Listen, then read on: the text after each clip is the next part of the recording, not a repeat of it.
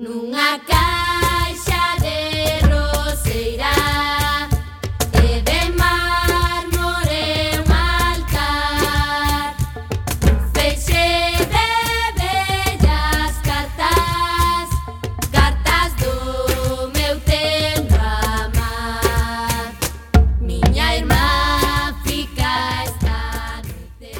Ola, que tal, recendeiras e recendeiros? Benvidas e benvidos a este espazo radiofónico semanal dedicado á cultura que facemos en rigoroso directo todos os martes ás 7 da tarde, aquí en Cuac FM no 103.4, a Radio Comunitaria da Coruña.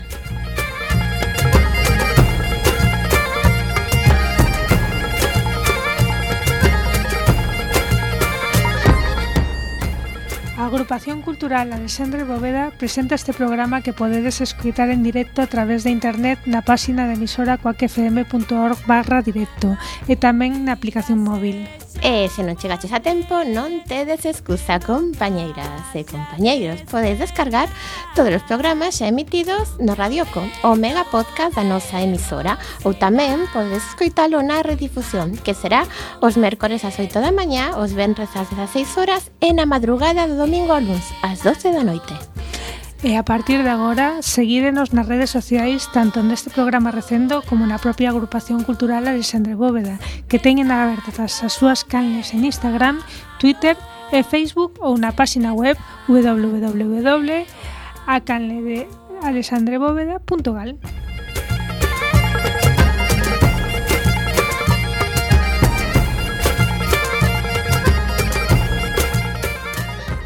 e xa sen máis imos caralo na procura desta fantástica aventura cultural con Roberto Catoide no control técnico e falando de Escoal Manteira estamos María Núñez, Veiga e... Eh? Gemma Millán, na, na locución.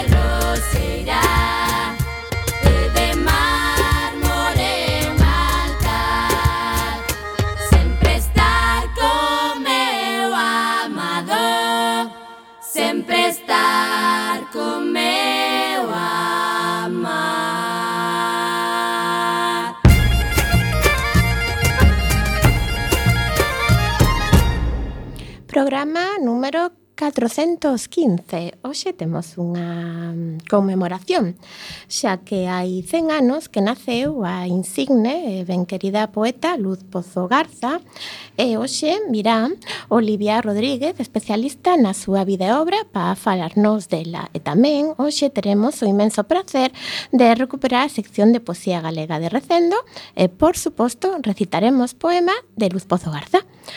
Falaremos das actividades da nosa agrupación e das outras cousas que se fan no Coruña e na Galiza e que tamén son cultura. Tamén teremos a sección de teatro a cargo de Manuel Seitoso Sextoso, música de hoxe, a semana, a semana pasada morreu de forma totalmente imprevista Eduardo Coma, violinista cubano que tocou durante 20 anos con Luar na Lubre e que agora era, e que agora era profesor no Conservatorio de Carballo. Imos homenaxealo poñel, poñendo algunha das pezas do disco Plenilunio, editado no 1997, o primeiro no que el colaborou co grupo coruñés e que destaca eh, polo no que destaca o seu virtuosismo mesmo. Presentaremos a primeira peza de hoxe titulada Pola ponte de San Xoán. Música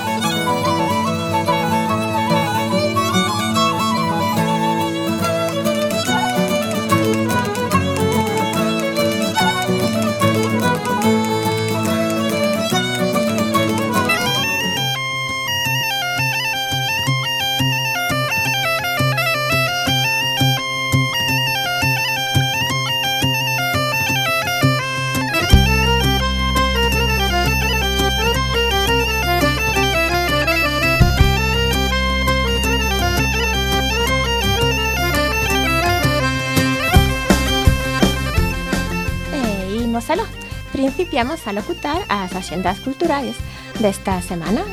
Empezamos, como sempre, cas actividades que faremos na nosa asociación, na Agrupación Cultural Alexandre Bóveda. Imos aló. O mércores 16, Ernesto Is ofrécenos unha palestra baixo o título Mil vidas, María Casares e as pezas teatrais que marcaron unha carreira. Ernesto Is ofrecerá un repaso por aqueles textos dramáticos de especial importancia na trayectoria profesional da actriz coruñesa, vencellándoos con momentos concretos da súa biografía persoal. As persoas asistentes levarán como agasallo o tríptico que sobre María Casares elaborou a súa biógrafa Arancha Estevez. Será ás 19.30 horas no noso local, que xa sabedes que está na Rúa Olmos 16, primeiro andar da Coruña. O xoves 17 presentarase no noso local o caderno Símbolos Nacionais de Galiza, o himno de a bandeira, escrito por Manuel Ferreiro e Xoan Costa, editado por Vía Galega, plataforma social en defensa dos dereitos nacionais de Galiza, que está a desenvolver unha campaña para popularizar e divulgar estes símbolos a través da súa distribución en todo tipo de entidades e colectivos. No acto entregaranse as persoas asistentes a publicación será ás 19.30 horas. E o venres 18, Sos Racismo Galicia presenta no noso local o informe sobre racismo e xenofobia na Coruña 2021. O pasado ano, 2021, foi outro ano de loita, denuncia e moita pedagogía antirracista. Por iso, novamente, presentamos vos a análise e revisión das vulneracións de dereitos recollidas e xestionadas dende a Oficina de Información de Denuncias, OID, de Sosracismo Galicia na cidade da Coruña. Será ás 19 horas. E o Luz 21, este día no que fan cenan, se fan cenanos do nacemento de María Casares, o noso local será o escenario da representación da montaxe teatral Miquería Vitola, alrededor da figura de María Casares, a cargo do Club de Teatro da Biblioteca Municipal Sagrada Familia. Será ás 19.30 horas.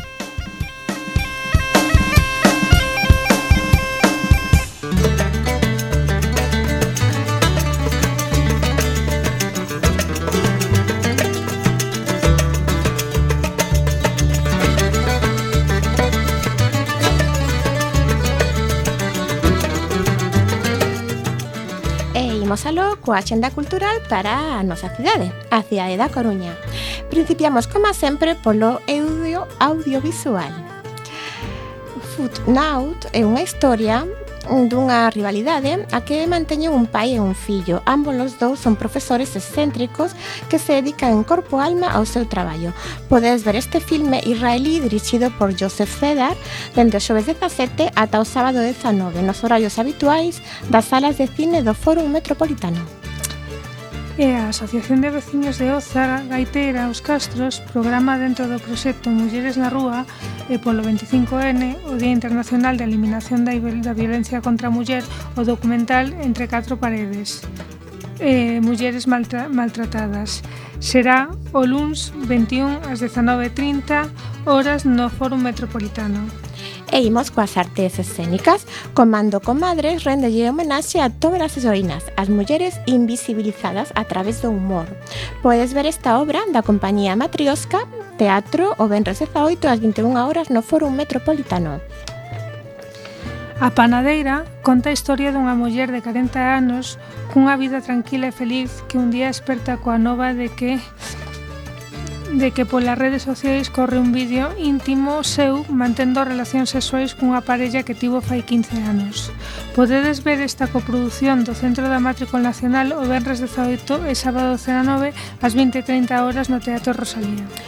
A obra Babylonia, da compañía Petit Teatro, conxuga a música, a danza e os monicreques. As texturas, as cores e as formas levarán aos cativos a unha ilusión compartida cos maiores.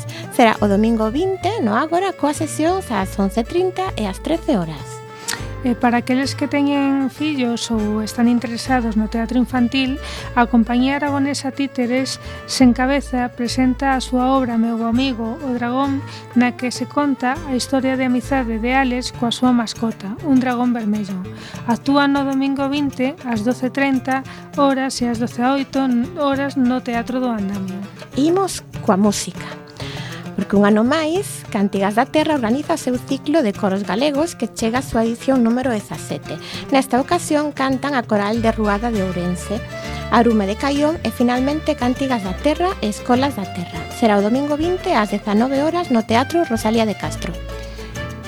O proxecto Xosé Suárez, José Suárez, Suite para unha vida, nace ca idea de homenaxear a vida da obra de José Suárez, o fotógrafo, tal vez o fotógrafo galego máis recoñecido internacionalmente. Esta obra consiste nun concerto de música orixinal escrito por Rafa Fernández para guitarra eléctrica, ar arpa e teclado, executada en directo mentres gozamos dun espectáculo de videocreación en vivo con fotografía orixinal digitalizada, así como fragmentos de 8 milímetros. Será o mércores 16 ás 20 horas no Teatro Colón. E despois de moitos anos, liderando o grupo Deluxe, O ano 2012, Xoel López editou o seu primeiro disco co seu nome, titulouse Atlántico, como xa todos e todas sabedes, e foi considerado un fito na música española. Xoel quere celebrar na súa cidade os 10 anos daquel momento histórico. Será o Benres 18 ás 21.30 horas no Pazo da Ópera. Na programación lírica 2022 organizada este ano polos Amigos da Ópera dedican o espazo de nosos intérpretes ao barítono galego Luis Cansino. Actúa o mércores 16 ás 20 horas no Ágora. E imos agora coas exposicións. Neste caso temos unha. Fausto García Rey, artista residente entre Santiago e Vila García da Arousa, presenta a súa Expo de Culturas en Cerámica e Esmalte Moldeadas, Pezas Únicas Está na Galería Bomoble, na Rúa Nosa Señora do Rosario, número 12, ata o 30 de novembro. Así que, boludo.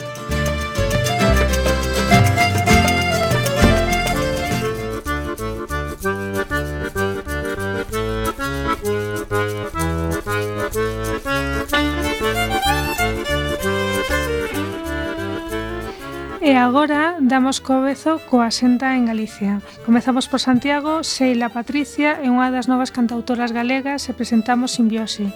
Filla de galega e asertino, percibimos nas súas composicións trazos do folclore de ambos lugares. Actúa os xoves 17 ás 21 horas na Casa das Crechas. E imos agora ata Ferrol. Alguén lle deu a Chicho o nome detrás do grupo santiagués Ortiga unha lanterna para alumear un punto cego entre a música de verbena, a cumbiatún, o metalcore, o autotune diabólico, a salsa e a música latina de baile. Estades máis que avisados. Toca o sábado 19 ás 20:30 horas no Teatro Jofre.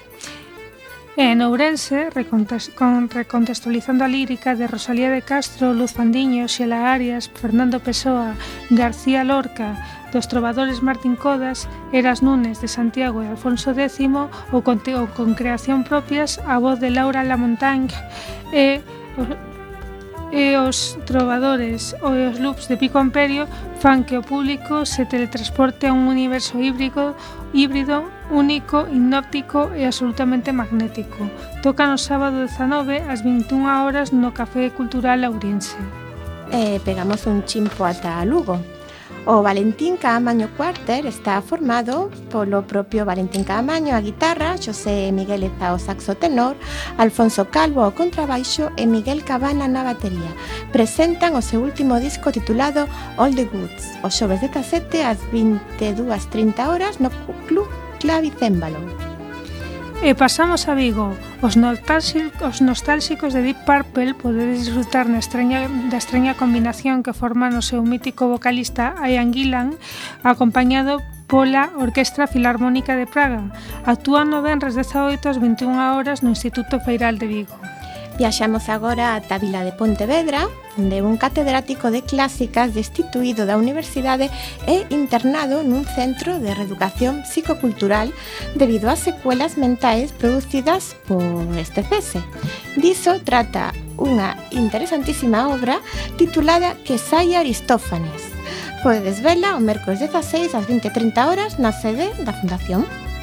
E para rematar, imos a Cambados A Vila do Salnés é a de asenda máis animada desta semana. Na sala Crazy Cry toca o grupo Fuzo o sábado 19 e Monboi o domingo 20.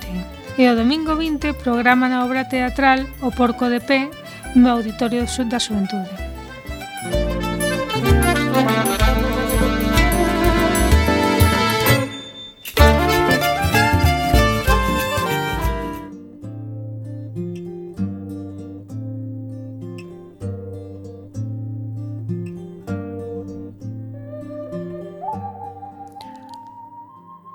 Hai unha longa espera, igual a un rito.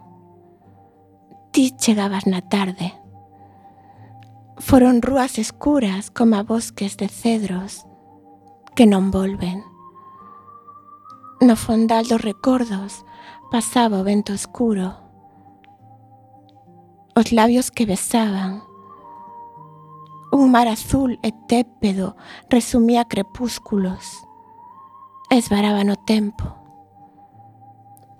Os labios que besaban lenzos de amor na tarde abrís recollo, pranto e fuxe.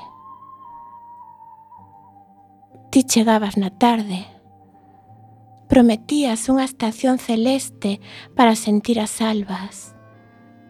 As aves lenemente descubrían espacios virxinais e propagaban fráxiles caricias nun tempo luminoso onde amar, onde amar se revelan formas de conciencia. Despois chegou a noite, quedan atrás as sombras límpidas dunha existencia dificilmente clausurada. A forma inmaculada dun xardín interior onde se sobrevive. Souben amar souben amar pronunciando teu nome.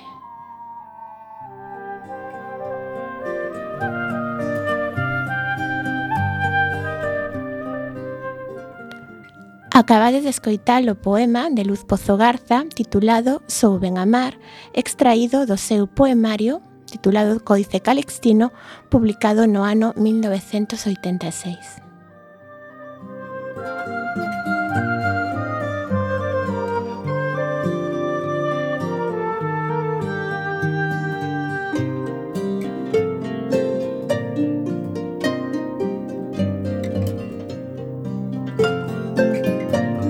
en recendo aproveitamos para saldar unha débeda que tiñamos pendente dende hai dous anos. Unha débeda pendente cunha das grandes figuras da cultura galega dende a segunda metade do século XX. Como moitos sabedes, hai dous anos deixábamos a decana dos poetas galegos aos 97 anos finaba Luz Pozo Garza na nosa cidade. Despois de toda unha vida adicada á poesía e á cultura galega, despedíamos a unha das nosas máis grandes poetas. Sirva o programa de hoxe de sincero homenaxe a Luz Pozo Garza, pois sin ela é imposible comprender os últimos 60 anos de poesía en galego. Hai que destacar que o primeiro poemario publicado en galego por Luz Pozo Garza, O páxaro na boca, data do ano 52 de do ano 52, mentres que o derradeiro Pazo de Tor foi editado no 2019. Como podedes ver, non exageramos cando dicimos que a súa foi unha vida plenamente adicada á poesía. Luz Pozo Garza nace en Ribadeo no ano 1922, xa dicimos antes que estamos agora conmemorando o centenario da súa vida, a súa existencia. Mas por mor da Guerra Civil, na que o seu pai foi represaliado, viuse obrigada a vivir primeiro en Lugo e logo en Larache, en Marrocos. A súa volta, a familia instálase en Viveiro. Ali realiza estudios musicais de magisterio e de filoloxía románica. Logo, instalaríase en Vigo, onde foi profesora de lingua nun instituto de Nigrán. Os seus primeiros poemarios publicados foron escritos en castelán. Eh, no ano 48 publica Ánfora. Aínda que a maior parte da súa obra está escrita en galego, non deixou o castelán publicando de cando en cando nesta lingua. De feito, o seu derradeiro libro en castelán, Sol de medianoche, publicouse no ano 2013. Luz Pozo Garza publicou máis de 15 poemarios en galego, sendo quizáis o máis coñecido Códice, Códice Calistino, publicado no ano 86. Ademais de poeta, e profesora, Luz Pozo Garza tamén dirixiu algunha publicación como Nordés e publicou ensaios sobre Luis Pimentel e Álvaro Cunqueiro. Dende o ano 96 foi membro de mm, da Real Academia Galega foi membro de número, para contarnos máis sobre esta singular, sobre a singular Luz Pozo Garza, temos hoxe conosco a doutora e profesora da UDC, Olivia Rodríguez. Moi boas tardes, Olivia. Boas tardes, encantada de estar aquí, en Recendo. Vale, para comezar, gustaríanos moito que nos falases un pouco da túa relación con Luz, cando comenzou o teu interés por, pola súa obra, se a coñecías personalmente, que supoñemos que sí, e, e un pouco un contexto, do, un pouco esa paixón por, para, para convertirte nunha, nunha experta, non? eh, pois o coñecemento meu de Luz Pozo Garza foi a verdade é que foi primeiro persoal. Mm. eu lera a, eh, algunha cousa dela pero non entrei a fondo na súa obra completa ata que non a coñecín e empecé a traballar. Eh, tiña que facer un traballiño sobre un poema elixido por min unha especie de comentario de texto e traducción ao castelán e mergulleime en toda, toda a obra e quedei absolutamente impactada, fascinada. Pensei, é un, unha das poetas máis eh, mellores, máis perfectas que eu coñecín da literatura universal, podo dicir, non, non, non estou exagerando. E logo si tiña un coñecemento persoal desde 1997 min, ata que morreu. Ah, entón, claro, a súa morte tivo que ser un gran impacto para ti, non? Mm. De feito, a ver, eu eh, fun eh, a súa nora uh -huh. entre pois, eh, a finais do século XX ata, ata o 2011. Seguín sendo a súa nora para ela, non? ata o final. Vaya. Pero bueno, isto é a marxe da, do meu interese eh, literario, puramente literario por ela. Non? Uh -huh. eh, crees que o seu traballo e a súa obra foron justamente valoradas mentre estivo en vida? eh, no mundo da, da literatura, da poesía, que é un mundo restrito, sí. É dicir, entre, entre os eh, contemporáneos, entre os colegas, sí. Xa desde que empezou a escribir, desde que empezou a publicar, foi moi ben recibida pola crítica. Eh, pero é certo que a súa fama ou divulgación chegalle co o, o que acabades de mencionar, coa publicación de Codicia Calistino que é nomeado libro de lectura obrigatoria en COU. Entón, iso, iso era tocar unha tecla para moitos autores moi boa eh, para un coñecemento universal. Moita xente, moita xente nova achegouse á luz a través deste libro e eh, moita xente que empezaba a escribir poesía achegouse a ela e ela recibía personalmente a todo o mundo que se que se interesaba, que te preguntaba, que quería acceder a ela, era moi xenerosa. Uh -huh.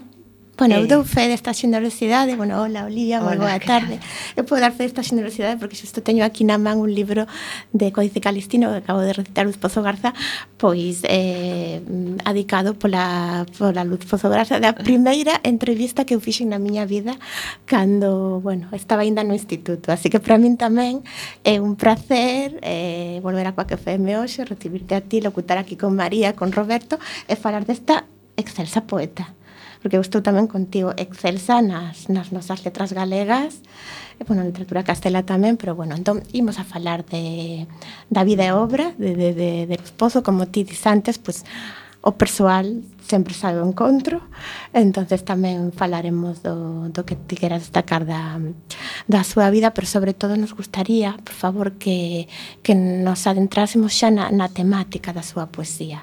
Cales foron os princip... para, para que a nosa audiencia se faga unha idea de cales foron as principales eh, temáticas que tocou Luz Pozo Garza na súa extensa obra poética.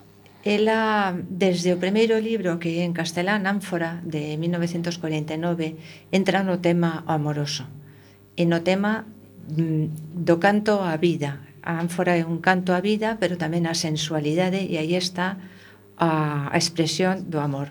Ese amor, cando na súa experiencia vital se fai eh, forte e se consolida, non? as súas experiencias amorosas, primeiro co, co primeiro marido, logo co, co poeta de Vigo Eduardo Moreiras, que será o segundo marido, eh, o amor convértese no, no tema principal de toda a súa poesía. Eh, de, de feito, hai un momento cando entra en relación con Eduardo Moreiras, un poeta moi esquecido, por outro lado, é importante, é importante non só na trayectoria de Luz, senón por obra propia e exquisita en galego. Luz coñece moita eh, poesía galega a través de Moreiras. Cando coñece, eh, hai un diálogo, empeza un diálogo amoroso entre a poesía dos dous autores, que é moi rechamante, moi interesante, non? Xunto a Amor, que está presente xa como fondo, pano de fondo de toda a súa obra, está tamén a, o feminismo, a, a liberdade da muller, non? que é un, unha idea que ela expresa que non ven da teoría, non ven da formación libresca non? En, en feminismo, que tamén por outro lado a ten, porque ela estivo moita, foi activista, sobre todo no período en Vigo, non? senón que ven pola propia experiencia vital, sobre todo por, eh, hai que pensar, que ela é unha muller que eh, vive o principal, o sea, case toda a súa vida durante o franquismo, que xa vai moi marcada pola guerra civil, por esas experiencias tanto do pai como dun irmán que tiña que morreu eh, na guerra moi novo, eh, eh e pola maneira de vivir eh, no franquismo, a vida cotiá tan, por un lado, a ela pues, mm, non está mal situada, pero eh, ten que achantar e eh, dobregarse a vida cotía a moral franquista, non? E iso para ela supuso un sufrimento desde o momento en que, que ten esa relación extramatrimonial ata que xa logra eh, chegar coa lei de divorcio, pois chegar a, a unión co, con este amor. Ela fixo o que quiso sempre, ela o contaba. Sempre fixo o que quiso, pero pasou uno mal moitas veces. Non? a, a pesar, malia, malia que parecía que sempre gañaba, que sempre estaba feliz, optimista, tivo que loitar moito.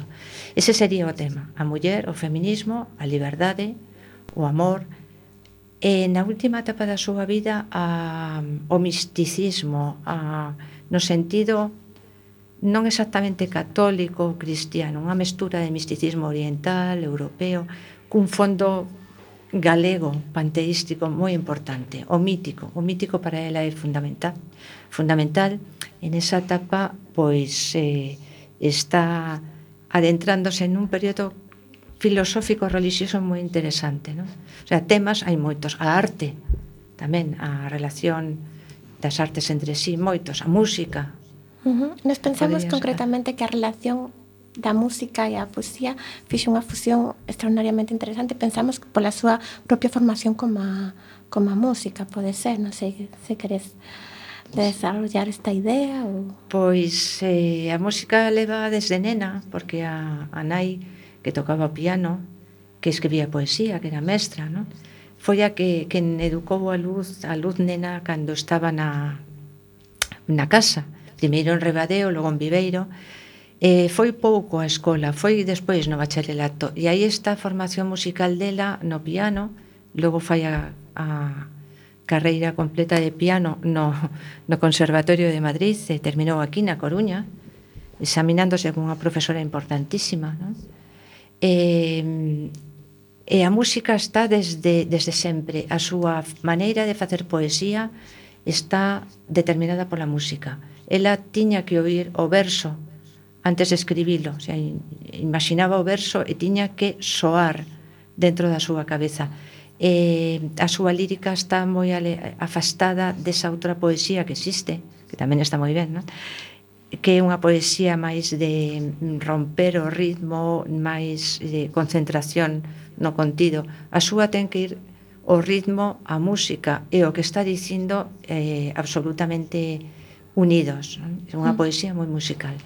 E ata ao final dicir... tocou o piano, tocaba harmónica, tocaba... O sea, unha unha artista multifacética. Nos podemos che dicir como recitadoras de poesía de que Luz Pozo Garza é precisamente unha das autoras máis recitadas nesta sección de poesía galega de recendo precisamente pola súa musicalidade dos seus poemas que son extraordinariamente radiofónicos. Eh, e agora vamos a facer unha pausiña na, nesta conversa, Olivia, porque temos o noso correspondente que se chama Manuel Xestoso, que é o noso ben querido correspondente da sección de teatro. Estamos debecendo aquí de falar con ele a ver que nos conta. E antes de saudar, imos gozar un pouquiño coa súa sintonía.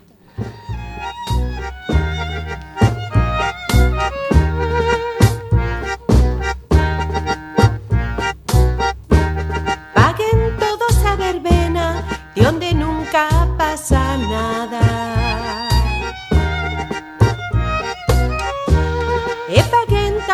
orquestra. Hola Manuel, ¿cómo estamos? Hola, ¿qué tal? Muy buena tarde. Contanos, ¿qué se coce no teatro galego? Ay, que se nos quedó estancado, Manuel. Hola, Manuel. Ola, Manuel, sí, por favor, re repite o principio da túa intervención que pensamos que non se che ouíu. Repite, por favor. Vamos a ver. Eh, escoitades agora ben? Sí? Agora perfectamente. Perfecto, vale. Pois nada, estes días estaba dicindo que estás a celebrar por todo o país, a conmemorar máis que a celebrar o 20 aniversario da tragedia do Prestige. Entón creo que procede falar da obra de Chévere de eh, un espectáculo que aborda todo o que sucedeu naqueles días co, co humor e sobre todo coa inteligencia crítica que caracteriza o traballo da compañía. Eh, a obra de Chévere céntrase sobre todo no son, en reconstruir as voces e os ecos daquela época, porque eh, aquel, o que, a grande ameaza da, daquel tempo foi o silencio, foi sobre todo dous tipos de silencio, o silencio do chapapote calando o ruido do mar e o silencio máis ruin aínda, se cabe, dos que pretendían amordazar a certas.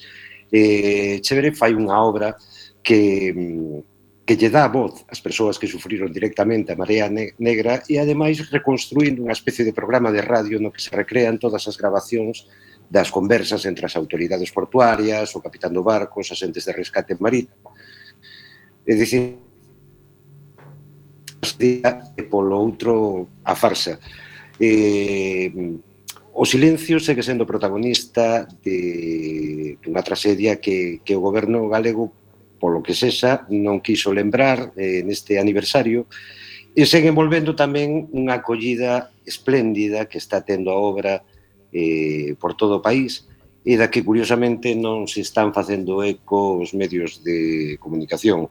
A boa noticia que Chevere eh, vai alongar a xira de un ano máis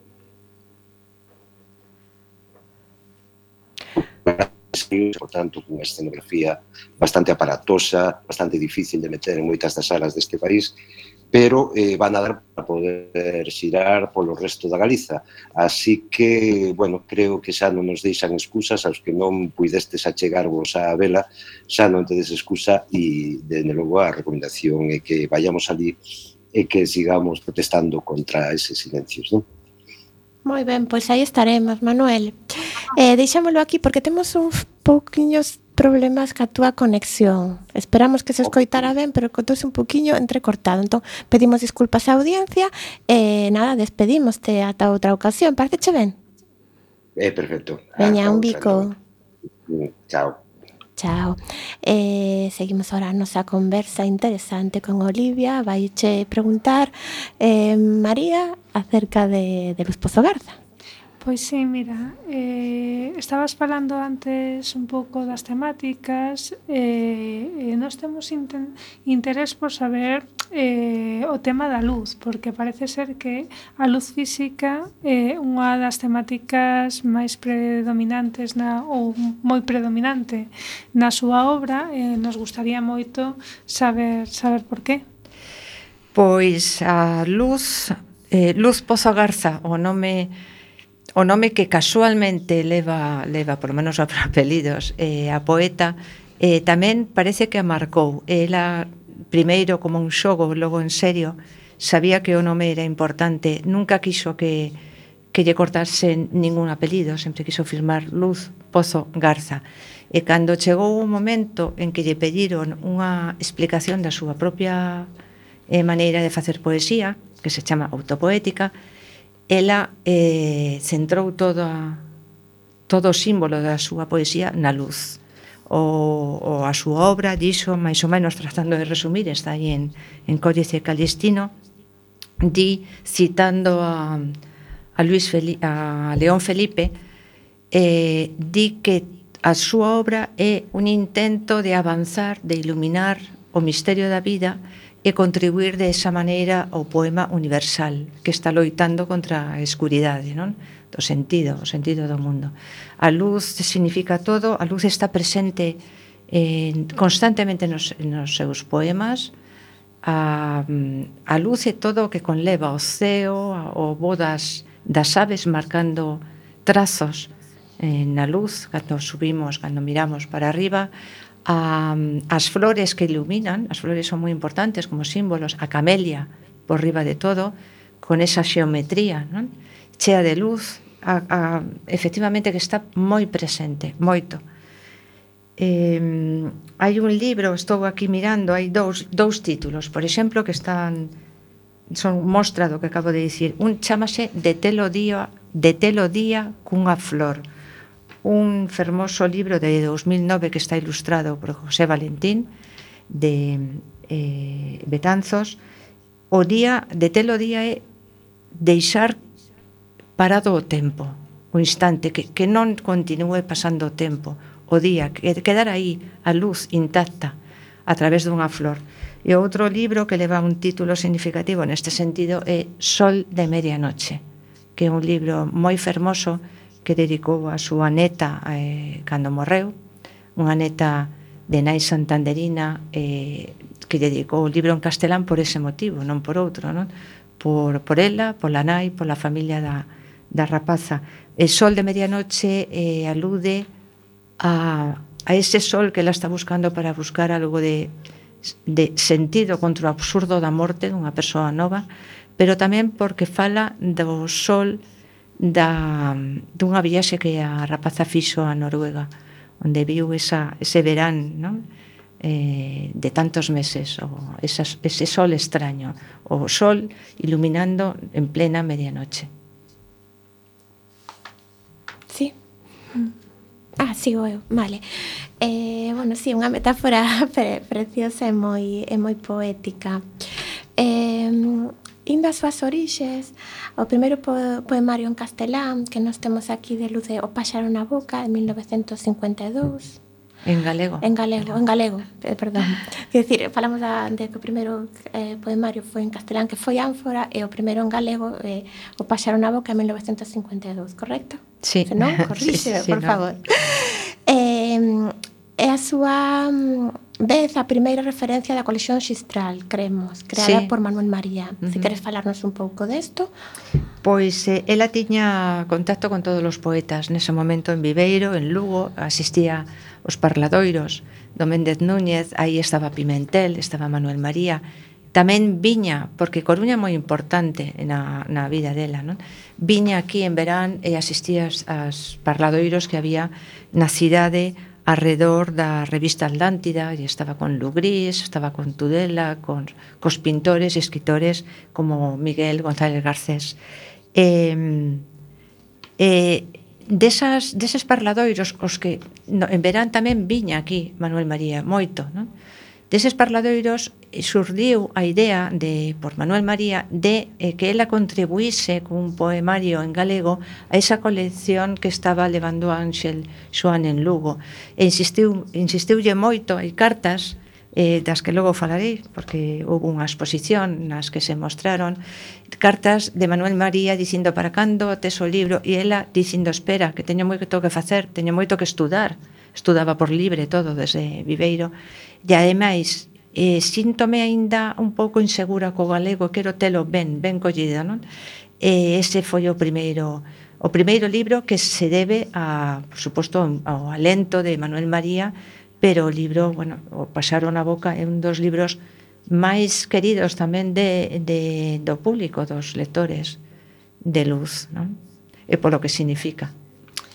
Vale, mira, agora mesmo estabas un pouco falando dese libro e de que foi como o primeiro que fixo en galego, eh, pero ela simultaneou o galego e o castelán. Eh, temos aí un pouco de, de gustaría de, a dúbida de saber por que esa simultaneidade, por que non lanzarse só o galego, por que seguir traballando en, en castelán? Pois mira, isto eh, ten unha explicación histórica evidente, non? eh, Luz pertence, e iso está dito por Ferrín, eh, a unha promoción de poetas que lograron, despois da guerra, cando estaba... A ver, a poesía en galego podía aparecer aquí e alá, non pasaba nada non nos periódicos, pero o galego estaba prohibido de, de facto.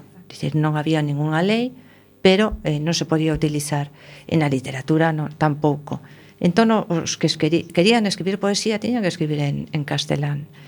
Eh, uns poucos pioneiros empezaron a dar a, bat, a dar a batalla ou xente que viña do período anterior como Cunqueiro non?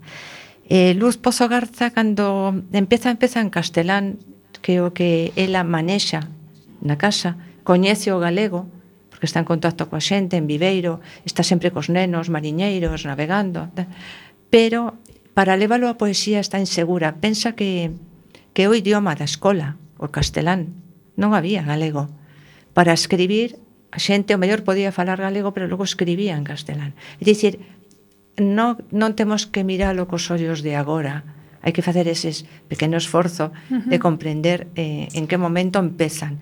Como outros, como Krukenberg, como Tomás Barros, todos empezan en castelán, pero claro. son capaces de dar o salto ao galego eh, o impulso definitivo, senón é por eles que fan esa ponte dun idioma, dunha situación a outra, pois non se faría nada. Mm, Manuel María escribía tamén en castelán, tivo os primeiros poemas en castelán.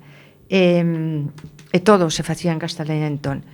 Ela cando publica O pasaron a boca no 52 xa ten no caixón outros libros en, en castelán que presentan ademais o premio Adonais. Non había premios para a poesía galega. Non? E, de feito, publica despois dous libros máis en castelán, ata que xa eh, colle o galego para sempre que é con un libro bilingüe eh, Últimas palabras, verbas derradeiras un libro impresionante tamén que ten moita historia detrás e cando o fai?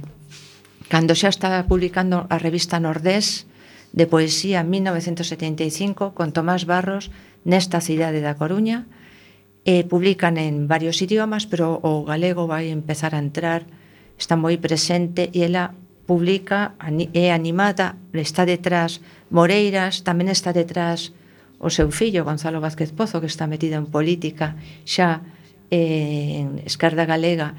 Entón, ela, ela ten ese momento, ademais, de poesía, eh, de fase de poesía social, porque a ten, está moi involucrada, co, cos cambios na Galicia e toma o compromiso de, de escribir en galego, definitivamente. Uh -huh.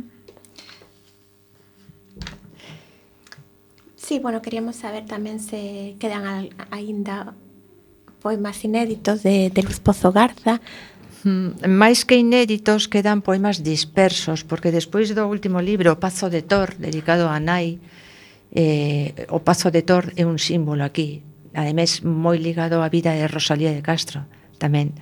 Eh, despois deste libro que é de 2018 ela falece en abril de 2020 non en plena pandemia por iso non puido ser acompañada como merece merecera eh, ela seguiu publicando porque constantemente lle estaban pedindo eh, revistas eh, pues asociacións, catálogos todo o mundo lle pedía constantemente poesía e ela mm, estaba totalmente productiva, ela escribía constantemente.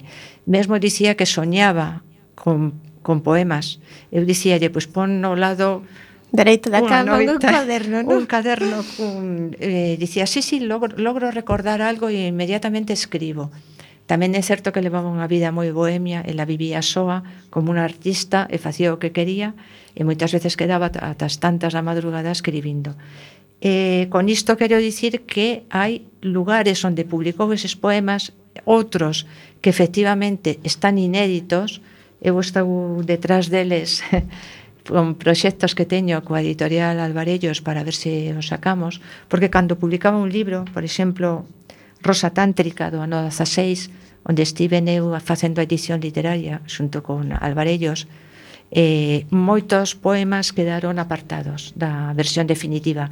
Ela quería tenía como, como meta facer unha poesía moi limpa, moi pura, eh, estilo González Garcés, cada vez máis depurada e non eh, cargar os libros. Entón, quitaba moito, quitaba moito, co cal imos ver poemas eh, descoñecidos de luz nos vindeiros meses e anos. Non? Bueno, pues eh, estamos atentos a que nos digas cando se publique para, para vamos, eh, anunciarlo aquí en, en Recendo, por suposto. Eh, nos queremos saber tamén, claro, é evidente que unha, unha artista cunha trayectoria tan longa, eh, neste caso unha autora tan prolífica, pois é normal que a súa obra evolucione. Xa nos falaches un pouquiño desta evolución, pero se queres destacar algo desta evolución poética de Luz Pozo, pois agora é, é o momento. Mm, repetir o que dixen, aínda que hai algo en común en toda, todos os libros de Luz, teñen unha linguaxe moi persoal, moi igual, eh, é unha poesía que se parece sempre a si sí mesma, pero que vai abrindo novas portas ao longo do tempo. Eh, o que acabo de dicir é a, ademais está contado, explicado por ela, é, é a clave, non? Ela quería ir depurando, quitando todo o accesorio da, da poesía, todo o que sobra, o que sobraba, non? eh, nos primeiros libros ao mellor podemos ver moitos adxectivos, iso é fácil de ver, eh, un pouco de ornament, orman, ornamentalmente algo cargado, non? Ela vai limpando, limpando, ata chegar á última poesía que, que impresiona porque son versos certeiros, eh, non son poemas longos, e inda que repite o mellor polo ritmo, por las cadencias musicais, son cousas que di que dispara, non sei, como como verdades. Eh, iso é a, o que ela foi intentando facer e ia logrando facer. Non? Uh -huh. E nos interesa tamén ese aspecto que dixeches, a súa autopercepción como poeta ao longo do tempo. Eh, como era era de autocrítica cos seus versos? Que pensaba ela de era, si mesma? Era moi exixente traballando, creando poesía tiraba moito, pero cando entraba en Bea, cando entraba en transo, uh -huh. cando soñaba versos, e se levantaba a escribir, eh, eh, escribía sen parar. E facía ás veces, movida por esa especie de inspiración, facía dun tirón os libros. Un exemplo deste tipo de creación foi Medea en Corinto, Medea en Corinto é un libro, un poema longo, dramático, que chegou a ser representado no Teatro Lido en Coruña, que publica no ano 3, porque os amigos Andrés Pociña e Aurora López animan, están facendo traballos sobre as novas versións do mito de Medea no teatro.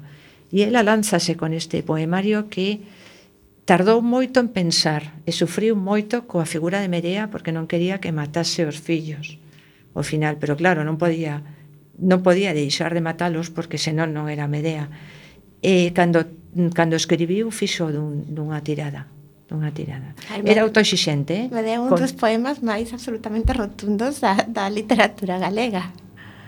Sí, a ver, tam, eu cando digo é eh, para mí na máis unha das máis excelsas, como dixeches, A ver, tam, tamén hai un pouco de mm, exaxeración cando falamos da literatura, eh, empezamos a xire eh, ao mellor ou esta. Non, temos unha literatura moi boa, eh, a poesía que temos é excelente. E podemos dicir moitos nomes, Luz Pozo Garza sabía quen eran eses bons poetas, tiña relación con, con todos eles, e a calidade era enorme, ela recoñecía, lía libros de persoas, podían ser da, de maduros, poetas que de longa trayectoria ou xente nova, ela sabía recoñecer e dicía esta, esta persoa escribe moi ben.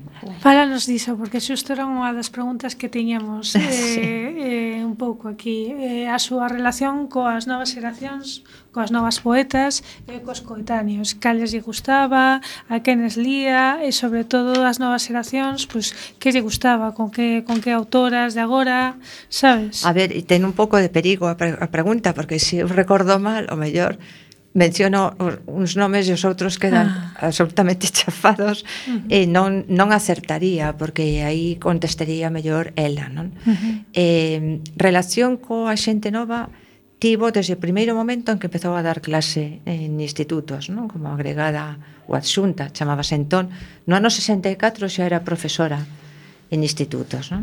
tanto en, foi en Vigo, como mencionabas, pero tamén foi en Coruña, no, en Monelos e en, no masculino, no Salvador de Madariaga. E estivo fora, en Badajoz, eh, dando clase. Eh, a, a facilidade que tiña para comunicarse coa xente nova, cos, como profesora, como persoa, era algo admirable.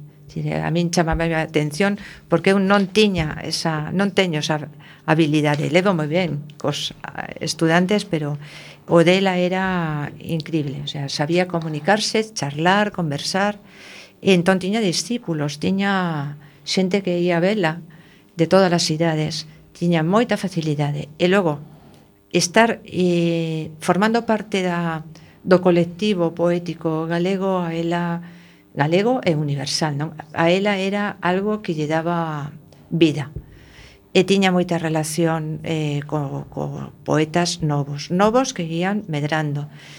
Claro, como viviu os últimos anos na Coruña, que cando eu a coñezo, ela tiña moita relación e viña aquí a falar a facultade, e tiña relación con poetas que estiveron, que foron estudantes aí, como Yolanda Castaño, como Emma Pedreira, como non sei se estudo aí, estou citándoa, Estivaliz Espinosa, coñecía to, a todas, sobre todo mulleres, eh, tiñan aí un grupo de mulleres potentes. Estivaliz eh, Espinosa, sabes, antigua locutora de Quack FM. Sí, moi, que canta moi que boa locutora, moi, moi boa, sí.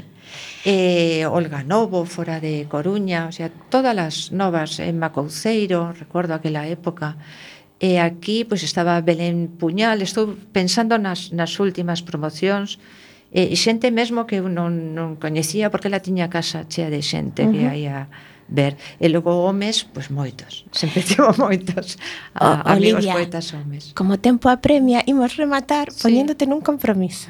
Pero terei que mencionala como un home, non? Sí, como Fernán Bello, como Manolo Rivas que desde neno foi de adolescente foi alumno dela como, como Pepe Cácamo co que viaxaba por aí dando conferencias eh, aquí vou esquecer alguén, Xulo López Valcárcel, todos os poetas da, da Coruña, de Lugo, de, bueno, que vou dicir, profesores tamén eh, estaban con ela. Le podería dicir moitísimos nomes, que compromiso. Eh, pois que compromiso. Eh, queremos que, que nos escollas o teu poema favorito de Luz Pozo Garza ou, se non te atreves cun só poema, un, un poemario. Ben, Antes de contestar, quería tamén poñer en valor, como sería agora, libros que non son de poesía e que la publicou, de ensayo literario, de crítica literaria, e dedicados a, bueno, xa mencionaches nomes, pero tamén estaba Luis Seoane, por exemplo, sí. ou os trovadores, sobre todo Martín Kodax. Eh, eu escollín eh, anxos con patíns brancos na praza de Ogrove, cando tiven que escoller un poema dela e sigo escollendo, non? Eh, está mm, en Prometo a flor de loto, un poemario dedicado a Eduardo Moreiras pola, polo falecemento del é unha elexía a primeira grande elexía que escribe a segunda será Sol de medianoche ela percorre os lugares aparece o sea, quen fala no poema percorre os lugares que percorría co, co amante.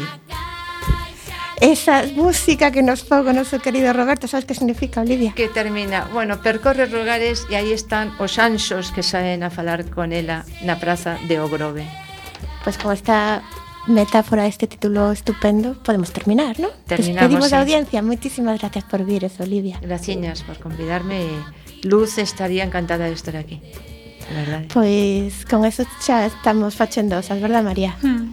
Veña, e sen tempo para máis odiseas imos chegando a fin do camiño deste recendo. Despedimos o programa de hoxe agradecendo aos nosos convidados que, como sempre, foron de honra. Hoxe tivemos no estudio a Olivia Rodríguez, profesora da UDC, experta en Luz Pozo Garza e a Manuel Xestoso ao teléfono coa súa sección de teatro. E agradecendo a semente e pedra angular de todo o noso comando e equipo de produción formado por Javier Pereira, Gemma Millar e Roberto Catoira. E aquí estivemos Roberto Catoira nos controis e co talento no micrófono Gemma Millán. E María Núñez Veiga.